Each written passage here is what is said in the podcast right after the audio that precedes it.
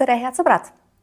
täna on meil suurepärane võimalus ajada juttu Allar Jõksiga, tänase vandeadvokaadiga, saatesse ka palutud põhjusel, et tegemist on õiguskantsleriga, kunagisega, kelle südameasi oli erakondade rahastamine. tere tulemast! tere! Täna olete vandeadvokaat, aga me teame, et tänapäeval moodsal ajal kirjutatakse seaduseelnõud enamasti valmis advokaadibüroodes või kui mitte enamasti, siis vähemalt mõnel korral. missuguse raha eest teie käest seaduseelnõu saaks tellida, et sellega Riigikokku minna? meil on tegemist avaliku ja ausa protsessiga, kui klient tahab, et me aitaksime ta õigusloomes, me aitame tal eelnõu valmis kirjutada näitame ka seda, kes on, kes on selle eelnõu nagu huvipool, kes seda on tellinud ja siis klient ise otsustab. kui suur raha on, mida teie selle eelnõu vormistamisest küsite? sõltub ju kõik sellest, kui palju selle eelnõu sõnastamisega aega läheb, see on selle, selle põhjal. mõnikord klient ütleb, et äh, olemasoleva seaduse äh, eelnõu parandamiseks ta palub mingisugust äh, täiendusettepanekut, siis selle täiendusettepaneku tegemine võib olla võib-olla, võib-olla ainult äh, kümme minutit kirjutada, aga millest, mõnikord võib see olla ka pikem. millest ma järeldan, et Riigikogu liikmed on teie tavalised kliendid, käivad, lasevad seaduseelnõusid valmis kirjutada teie või siis mõne teise büroo juures? ei, pigem ma räägin äh, nagu sellistest äh, erialaorganisatsioonidest, kes tahaksid aidata kaasa sellele, et mingi terve sektor läheb, mingi terve sektori reguleerimine läheb nagu paremaks noh, on näiteks kas Tööandjate Keskliit või on äh, mingi taastuvenergia koda, siis äh, on selge see, et äh, seal on vaja juriidilist teadmist, et, et seda eelnõud paremaks teha. no ja minu küsimuse tegelik taust oli näiteks Uberi eelnõu, mis mäletatavasti ju sündis ka siis vähemasti teie majas. kahe büroo koostöös. nii see oli. just krooni aja lõpus te viitasite, et hinnakiri oli selline, et pool miljonit krooni ehk siis kolmkümmend kaks tuhat eurot, mis need tänased taksid siis võiks ikkagi olla? Mul ei ole kahjuks enam äh, sellist äh, siseallikat, äh, toona sain ma selle numbri teada ühelt tuttavalt, kes, kes seda mulle edastas, praegused hinnakirjad on mul teadmata. hästi, aga mitte sellest ei tahtnud ma tingimata rääkida, kuivõrd kuigi seaduste ostmine on ju tegelikult see, millest me räägime siis, kui me räägime erakondade rahastamise järelevalve komisjoni ärakaotamisest ja selle funktsioonide üleandmisest Riigikontrollile, nii nagu kolm valitsuserakonda on tahtnud seda seaduseelnõu vormis teha. Äh, sellest on nüüd räägitud avalikult päris palju, kuid võiksime sõnastada esialgu ikkagi ka selle pikaajalisema mõju. Äh, teie olete viidanud, et on huvitatud osapool Keskerakond, kes soovib siis vabaneda rohkem kui miljoni eurosest nõudest, selle tagasimaksmise vajadusest, kuid see seadus eeldusel, et ta vastu võetakse, jääb kehtima pikema aja jooksul. mis siis tema mõju oleks? Ma alustan natuke kaugemalt ja ma täpsustan seda, et see seaduse ostmine kõlab halvasti, aga iseenesest ei ole see alati äh, taunitav. näiteks kui seda tehakse avalikult, öeldakse, et mina, Allar Jõks, võib-olla keegi veel, anname erakondadele mingisuguse summa, et nad teeksid erakonna rahastamise kontrolli seaduse paremaks, et nad ei rikuks seda ära. siis ma arvan, et see on väga-väga üllas tegevus, et selles mõttes nagu selle seaduse ostmine iseenesest ei ole halb, kui see on õigetel eesmärkidel, kui see on üldistes huvides ja kui see on läbipaistev ja avalik. mis puudutab käesolevat seaduse, seaduse muudatust, siis äh, selle mõju võib olla pikaajalisem tänu sellele, et äh, see vähendab võimalusi kontrollida erakonna ebaseaduslikku rahastamist ja see võima-, vähendab võimalust Äh, ka avalikkusel äh, erakonna rahastamises, rahastamisel nagu silma peal hoida. Äh, mismoodi ta täpselt vähendab, sellest räägime kohe järgmine, järgmises sellises vaates, aga kõige rohkem on tähelepanu saanud praegu tõsiasi, et ülesanded tahetakse anda üle Riigikontrollile, kes ise sellest vaimustuses ei ole ja Janar Holm isikus on ka öelnud, et, et see ei ole iseenesest hea mõte iseenesest võiks ju tekkida seadusandjatel siin ka kiusatus äh, Riigikontrolli pikaajalises vaates võib-olla endale mugavamaks teha, noh näiteks Janar Holmi välja vahetada või kui ka mitte välja vahetada, siis äh, keegi teine järgmiseks ametiajaks tema asemele panna, võib see olla ka üks mõõde äh, selles kavatsuses anda ülesanded just Riigikontrollile? kas on see mõõde või ettekavatsetus või tegemist võib olla ka sellise kaasuva probleemiga, siis seda me näeme, näeme tulevikus. aga, aga selle eelnõuga seoses on, on tegelikult nagu kolm kihti. esimene kiht on see, et kas Riigikontroll või Järelevalvekomisjon ja eelmine nädal ajakirjandus tänuväärselt hoidis sellel esimesel kihil peal äh, silma, aga tegelikult tõsised probleemid hakkavad seal teises ja kolmandas kihis. aga selle, mis puudutab Riigikontrolli, siis siin on oluline silmas pidada seda, et siin võib valitsuskoalitsioon tabada kaks kärbest ühe hoobiga. toimiv kontrolli kehand järelevalvekomisjoni näol kaotatakse, nii-öelda nagu kolitakse see, need pädevused ja volitused äh, volitused äh, Riigikontrolli. teiseks äh, on see, et Riigikontroll ei pruugi pärast enam nii tõhusalt oma põhiülesandeid saada täita. Ja ongi nagu kaks äh, kärbest ühe hoobiga, et Riigikontroll ei saa hästi töötada ja erakondade rahastamise kontroll on ka kuidagiviisi, kuidagiviisi puudulik. ja ma juhin tähelepanu sellele, et Riigikontrolli on samamoodi võimalik mõjutada sellepärast, et kui. sellele riigi... ma just viitasingi. just, et riigikont-, riigikontrolöri ametiaeg saab läbi ja siis noh, küsitakse, et kas sa tahad jätkata, kui noh, võib-olla ma ei tea, mida Janar Holm mõtleb, aga kui tema käest küsitakse ja öeldakse, et tead noh, võiksid ju jätkata küll, aga, aga võib-olla sa neid erakonna asju noh, nii palju ei peaks vaatama. ja kui sina ei, ei ole sellega nõus, siis küllap leiame teise mehe. jah, ja kui me kujutame ette, et, et kui näiteks järgmine riigikontrolör on valitseva koalitsiooni äh,, kuidas nüüd öelda äh,, esindaja, sisuliselt esindaja, nii nagu tegelikult ju ERR-i äh, nõukogusse seaduse järgi on kirjas, et kes sinna peaks kuuluma, aga seda seadust on võimalik niimoodi meeldivalt äh, endale kasulikult äh, pöörata. Ja siis tulevikus, kui meil on poliitiline riigikontrolör, siis äh, tegelikult erakonna rahastamise kontroll nagu muutub naljanumbriks. kui meil on praegu komisjon, kus on nii palju erinevaid liikmeid, siis seal ei ole võimalik kellelegi öelda, et kuule, et ole hea, tee see otsus või ära seda otsust tee see on hästi sõnastatud, vaatame nüüd seda teist tasandit ehk siis seda, et tõsiasja, et väheneb võimalus erakondi vastutusele võtta, seal on mitmed punktid, mis viitavad sellele, et et see tõlgendus või see võimalus on tulevikus täiesti olemas. sõnastage palun need punktid. Äh, selles teises kihis, äh, millele võiks hakata rohkem tähelepanu pöörama selles eelnõus, on äh, peamiselt kolm punkti. üks on see, et seatakse aegumistähtaeg senimaani oli nii, et, et aegumistähtaega ei olnud. kui avastati näiteks neli aastat hiljem, et erakond oli saanud raha äh, ebaseaduslikult, siis oli võimalik hakata äh, erinevaid äh, ettekirjutusi tegema. praegu, kui pannakse see kolm aastat, siis on selge see, et, et need erakonna rahastamise asjad ei tule kunagi välja Äh, nagu samal ajal need tulevad tegelikult äh, väga pika vinnaga välja, siis väga palju neid juhtumeid jääb tegelikult äh, uurimiselt välja, sellepärast et ta on juba, juba liiga kauges minevikus. ja kas pole siiski niimoodi, et see on seda liiki kuritegu, mis üldse aeguma ei peakski? no ütleme, et senimaani seda nii käsitleti ja ma ei näe mingit põhjust, miks seda peaks praegu, miks seda peaks muutma. peame silmas ka seda, et tegelikult maksumaksjal viis aastat on, viis aastat on see, millal. valimistsükkel. jah jah, et, et maksuamet võib minu juurde tulla ka viie aasta pärast. aga miks, miks erakonnad on, saavad kolme aastaga nagu äh, vabaks, kas sellepärast, et, et nad on erakonnad, neil on võimupositsioon. see on üks punkt, teine punkt on see, et kaob äh, ära võimalus teha või tellida või nõuda erakorralist auditit, kui et, kui erakonna majandustulemused on sellised, et ta noh, on küsitav, kas ta nagu on jätkusuutlik, et siis äh, see võimalus kaob ära ja kolmas võimal-, kolmas asi, mis praegu hetkel seadus on viivise nõudmise võimalus. viivis on tegelikult äh, selle summa pealt null koma kaheksakümmend viis protsenti, mida suurem on võlg, mida kauem see on maksmata, seda suurem see viivis on. mis Aga miljonite selle... puhul on ikkagi arvestatav summa, eks ole. see on arvestatav summa, selle üle võib vaielda, kas null koma kaheksakümmend viis või null koma viis, aga ära kaotada täpselt samamoodi, ettevõtjana tegelikult, äh, kui ma ei ole maksuvõlga riigile maksnud, mul viivis kogu aeg jookseb. aga miks ettevõtjal peab jooksma?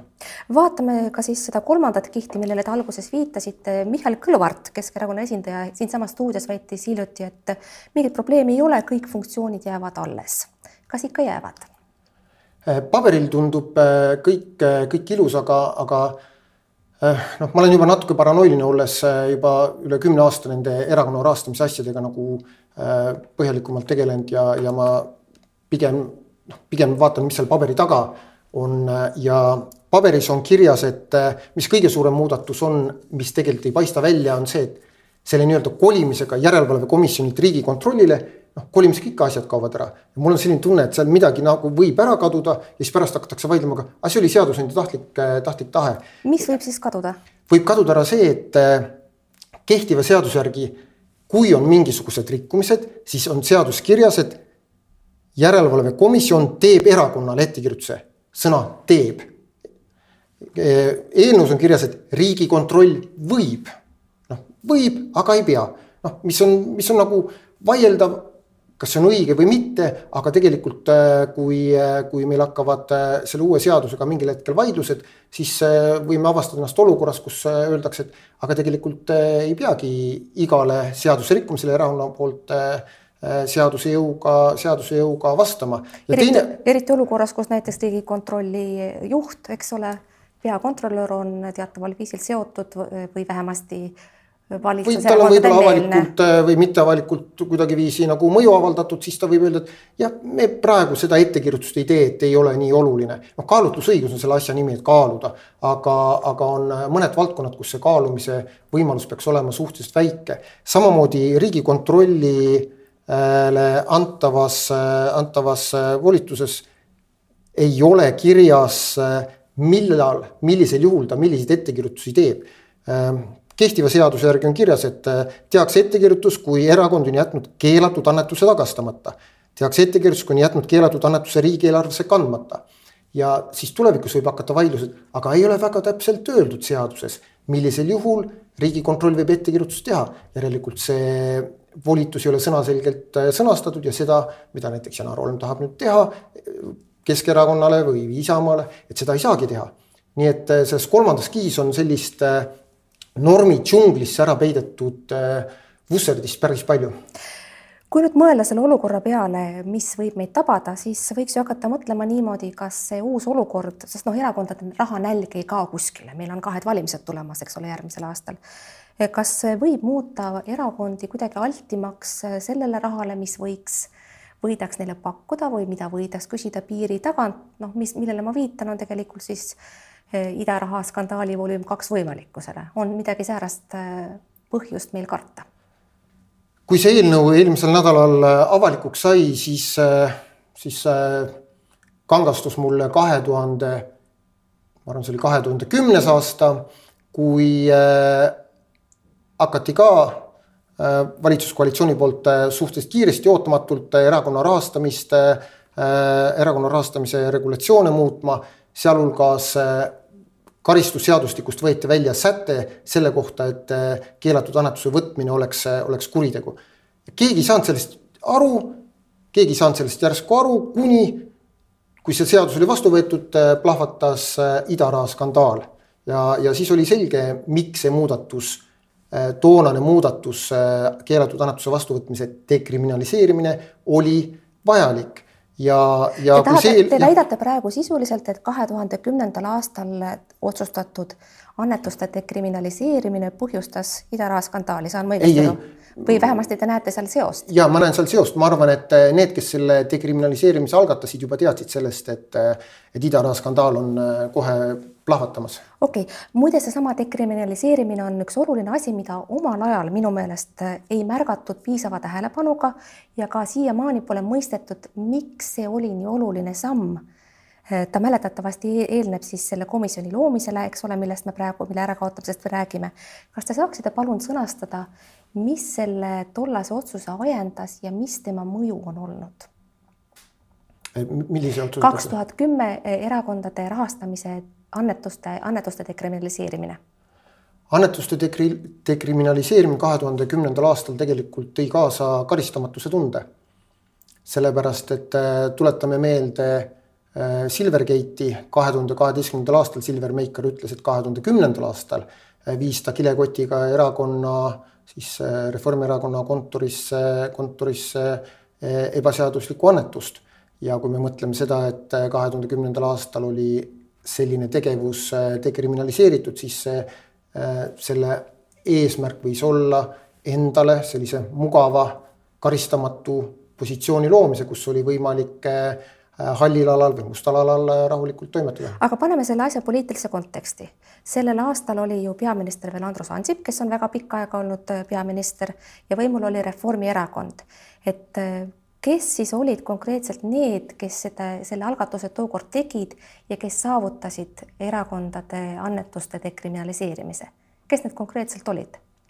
ma jään praegu vastuse võlgu, kes oli kahe tuhande kümnendal aastal valitsuskoalitsioonis, kindlasti oli Reformierakond, aga, aga kes seal need teised liikmed olid, ma jään praegu vastuse, vastuse võlgu. aga initsiatiiv, kust see, kust ta võis tulla? see väga raske öelda, see võis tulla ühe, noh, mingist erakonnast pidi see tulema, see võis tulla Keskerakonnast keda idaraha skandaal raputas, see võis tulla Reformierakonnast, see võis tulla ka kusagilt mujalt. ma arvan, et tähtis oli isegi see, kes selle algatas, tähtis on see, kes sellega nõus olid. see on täpselt nagu praegu kahe tuhande kahekümnendal aastal, tähtis oli see, kellele see on kõige olulisem eelnõu ehk võib-olla Keskerakonnale. tähtis on see, kuidas Isamaa vaatab oma valijatele silma, ütleb, et jah, me lasime sellel juhtuda no praegusel juhul on siin kolmas osapool peale Keskerakonna veel ka EKRE, aga see selleks. kaks tuhat kümme dekriminaliseeriti annetused erakondadele. kaks tuhat üksteist loodi siis Erakondade Rahastamise Järelevalve Komisjon, millesse tegelikult ei uskunud ei teie ega väga paljud teised tookord. ootused olid suhteliselt madalad selle komisjoni suhtes ja ma mäletan, et kui teie sellest rääkisite, siis te lubasite aknast välja hüpata, kui see üldse luuakse või kui see tööle hakkab. ma nüüd ei mäleta täpselt, kas te hüppasite välja või ei hüpanud ja ma olen oma lubadusi pidanud ja olen, mul on pilt ka selle kohta, kuidas ma hüppasin oma magamistu aknast äh, välja, aga see lubadus oli see, et ma ei uskunud, et see sellisel moel see järelevalvekomisjon luuakse. Äh, mis puudutab seda, et äh, kas ta oli toona paistis efektiivne või mitte, siis praeguseks ajaks on ta oma elujõudu näidanud, aga mitte tänu sellele, mis toimus kahe tuhande kümnendal, üheteistkümnendal aastal siis seaduse muutmisega, vaid kui me läheme läbi Silver, Meikari ja era-, Reformierakonna äh, rahastamisskandaali, jõuame Harta kaheteistkümneni, jõuame Rahvakoguni, jää, jääkeldrini, siis selle tulemusena tekkisid täiendavad äh, ettepanekud erakonnaseadusesse, mis on nüüdseks seaduseks saanud. ehk praegusel kujul on see kehtiv toimiv seadus on tegelikult erinevate asjaolude, sealhulgas kodaniku aktiivsuse üks väljund see on küll tõsi, kuid tõsiasjaks jääb samamoodi, et seesama komisjon ei suutnud mitte kuidagi menetleda Silvergate'i, mis puhkes ju iseenesest aasta hiljem. tõsi, sellega ei saanud toime ka eh, tollane prokuratuur, kes kriminaalasja algatamiseni küll jõudis ja lõpetas selle kiiresti kellelegi süüdistust esitamata. tookord ütles eh, peaminister Andrus Ansip, et tuleks taastada eh, tegelik olukord ehk taas lubada siis annetada juriidilistel isikutel erakondadele. oskate te, tuleb teil meelde, miks see juriidiliste isikute annetamine üleüldse keelati, missuguste argumentidega ja kas oleks meil põhjust rääkida selle taaslubamisest? mul ei tule enam väga-väga hästi meelde, millistel asjaoludel erakondadele annetuste tegemine juriidiliste isikute poolt keelati, aga ma arvan, et see põhjus laias laastus oli see, et see erakonna rahastamine läheks nagu selgemaks, sest ettevõtte taga me ei tea, kes on füüsilise isiku taga, me noh, me saame vähemalt küsida, et eh, miks, miks sa seda tegid ja kus sul see rahalised, rahalised allikad on. mis puudutab seda, kas lubada nüüd eh, erakonna rahastamist eh, juriidiliste isikute poolt või mitte, ma arvan, et see ei ole praegu nagu, nagu isegi see ei ole isegi praegu niivõrd suur probleem, mis lahendada vajaks. lahendada vajaks see, et kuidas vähendada erakonna sõltuvust nagu mm, sellest rahast, kuidas seda vähendada, aga, aga siin mulle tundub, olles jälginud nüüd mitmed valimised, kõikvõimalikke neid lubadusi, siis meil puudub selline erakond, kes suudaks kes suudaks äh, neid muudatusi ka ellu viia ja kes sooviks neid ellu viia. Äh, mis puudutab seda näiteks, et panna valimiskampaaniatele mingi rahaline piir. see, sellest on nii palju räägitud, aga, aga elu on näidanud, et need ei toimi. tõepoolest võiks..., tegelikult ja. sellele vajadusele olete te viidanud ka varem, et erakondade rahanälga, nälga võiks vähendada kuid tõepoolest seal ei ole ühtegi sellist konkreetset tegevust, mis seda suudaks teha, sest isegi kui valimiskuludele pandaks piir, siis see pole ju ainus koht, kuhu raha kulub, eks ole mm. -hmm.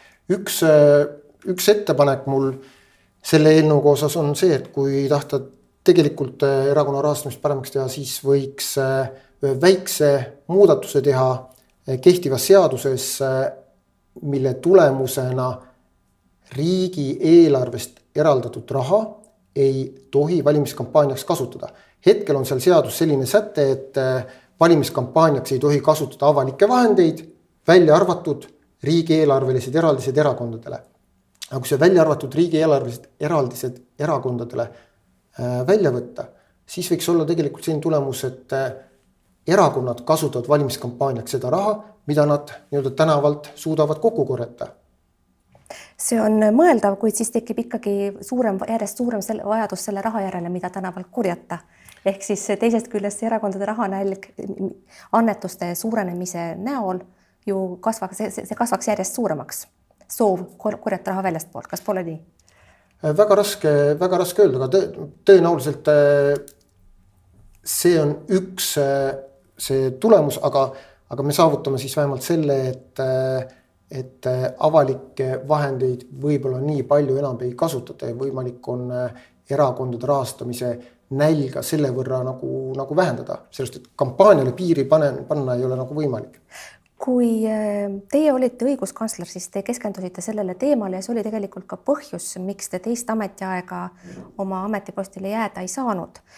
kuivõrd võiks selle teemaga tegelemisel olla ohus näiteks praegune õiguskantsler kui ta samamoodi äh, hakkab võtma selgeid seisukohti või selliseid seisukohti, mis valitsuskoalitsioonile ei meeldi? Äh, nii palju, kui ma olen äh, õiguskantsler Ülle Madise tegevust erakondade rahastamise osas jälginud, siis on see jõuline, väga selge, tuletan meelde, et kaks tuhat seitseteist tegi õiguskantsler väga palju konkreetseid ettepanekuid äh, Äh, erakonna rahastamise reeglite parandamiseks, seal oli üks väga hea ettepanek, mille, mille, mille, mille seaduseks saamiseks oleks võim-, mina olen võima-, võimeline ka äh, kaasa aitama, on see, et äh, erakondade sissetulekud ja väljaminekud peaksid olema avalikkusele reaalajas nähtavad. seda ettepanekut on välja käidud korduvalt, aga selleni pole jõutud ja selle põhjus on ka väga selge, erakonnad ei soovi seda.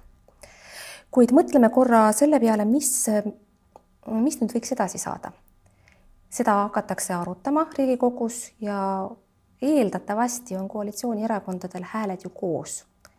peate te võimalikuks, et see tegelikult äh, demokraatia südamikku selle vastu suunatud eel, eelnõu tõepoolest seaduseks saab? või on siin olemas mingisugune võimalus et ta ikkagi ei saa seaduseks? no see nõuab selgeltnägija võimeid, et äh, ma näen võimalust, ma näen võimalust selles, et äh, see sellisel moel seaduseks ei saa. aga, aga samas mind ei paneks imestama ka see, kui see enne jaanipäeva nii-öelda koputatakse eelnõuna, eelnõuna ära. tegelikult siin on võtmeküsimus, äh, noh, minu arvates on Isamaa erakond, kes kes äh, on äh, nagu lohiseb selle eelnõuga kaasa. Äh, Keskerakonnal on siin nii-öelda omad, omad huvid mängus, mis on arusaadav ja ka vähemalt EKRE liidrid on nüüd hakanud näitama neid põhjusi, miks neile see erakonna järelevalvekomisjoni tegevus sellisel kujul ei meeldi. et nemad on tõenäoliselt selle, selle eelnõu poolt kogu lootus on niisiis Isamaa peal, ah, ma ei tea, kui, kui palju sellel lootusel alust on, aga seda näitab aeg, kas on või ei ole. Siim Valmar Kiisleri veto kiirkorras menetlemisele vähemasti võiks ühe indikatsiooni anda. Allar Jõks, suur tänu, et tulite stuudiosse seda teemat arutama, head sõbrad, aitäh, et vaatasite, vaadake järgmist saadet ikka jälle, elage hästi ja olge terved. Kuulmiseni, nägemiseni